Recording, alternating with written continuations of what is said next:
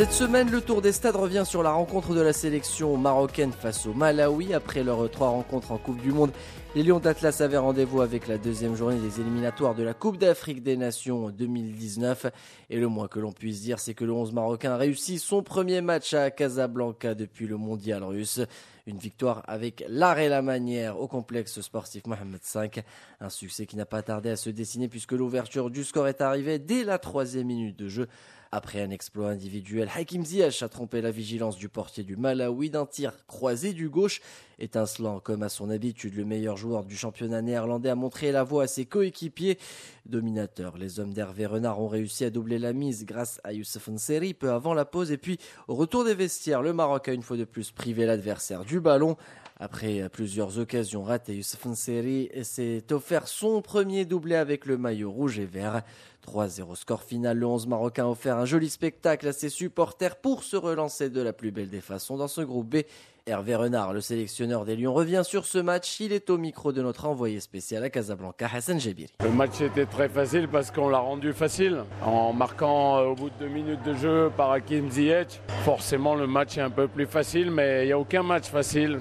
Donc euh, il faut les prendre par le bon bout harceler l'adversaire tout le match et marquer le plus de buts possible. On aurait pu en marquer beaucoup plus, mais on est satisfait du score. A noter que durant cette rencontre, le technicien français était privé de son capitaine Mehdi Benatia et de Marwan Dacosta en défense, ce qui l'a obligé à modifier sa charnière centrale.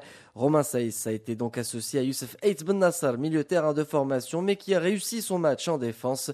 Romain Saïs, le joueur de Wolverhampton, parle de ses 90 minutes avec le joueur de l'AS Monaco. Très bon match dans l'ensemble.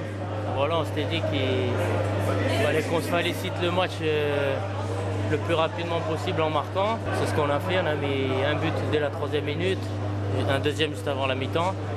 Voilà, on sait que les matchs en Afrique, c'est toujours compliqué. On savait qu'ils allaient nous attendre et jouer en contre. Donc on a plutôt bien géré. On a mis trois buts, on n'a pas pris. Donc mission accomplie. Non, c'était bien. Après, voilà, on a joué une fois ensemble, mais c'était à trois défenseurs au Gabon.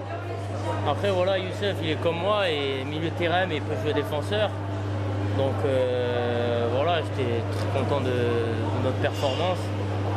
Et puis voilà, ça montre aussi au coach qu'il peut compter sur, euh, sur tout le monde, même quand il y a des absents. Une association donc réussie en l'absence des titulaires habituels. Youssef Aït Ben Nassar, un joueur qui a toujours répondu présent pour porter avec fierté les couleurs de son pays.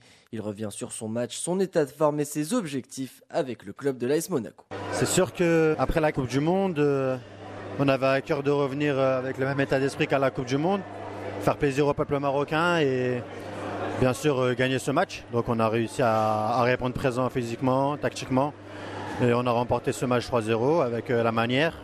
Donc voilà, on est assez satisfait de ce match. Maintenant, euh, je pense que on aurait pu mettre beaucoup plus de buts encore. Et voilà, on n'a pas encaissé de but. Donc c'est aussi un très bon point positif. Et voilà, il falloir vite passer à autre chose pour pouvoir préparer le match face aux Comores le mois prochain. Jouer titulaire ou pas, c'est sûr que quand on joue titulaire, on, a un, peu plus de confiance. Maintenant, la, confiance, je l'ai toujours eu. Le coach a toujours eu confiance en moi. Moi, on a toujours eu confiance au coach j'essaie de lui rendre de la meilleure des manières. Quand il me fait jouer, je suis à 100% et j'essaie de donner tout pour le pays, pour l'équipe. Donc je ne me prends pas la tête et s'il faut jouer 5 minutes, s'il faut jouer 2 matchs, s'il ne faut pas jouer, bah, je serai toujours présent pour l'effectif et pour le groupe. Bah, jouer le plus de matchs possible et débuter la Ligue de Champions cette année. Après ma blessure lors de la Coupe du Monde, j'ai eu beaucoup de rééducation et je suis revenu euh, à 100%. Lorsque je suis revenu, j'ai joué directement à Monaco. Donc je suis très content et voilà. Je suis très confiant et j'espère que ça va bien se passer pour moi cette saison. Prêté à l'AS Nancy puis au Stade Malherbe de Caen, le milieu de terrain est de retour au club de la Principauté avec pour ambition une place de titulaire au sein de l'équipe de Léonard de Jardim, ce qui pourrait lui offrir plus de temps de jeu avec la sélection marocaine. Les Lions de l'Atlas qui sont désormais deuxièmes de leur groupe grâce à une meilleure différence de but que leur adversaire du jour. La bande à Hakim Ziyech n'est d'ailleurs plus qu'un seul point du leader, le Cameroun, le champion d'Afrique et pays organisateur de la prochaine Cannes qui n'a pu faire mieux qu'un match nul, un but partout contre les Comores, bon dernier du groupe avec un seul point. Le mois prochain et pour le compte de la troisième journée de ces éliminatoires, le Maroc va recevoir les Comores au moment où le Cameroun sera opposé au Malawi.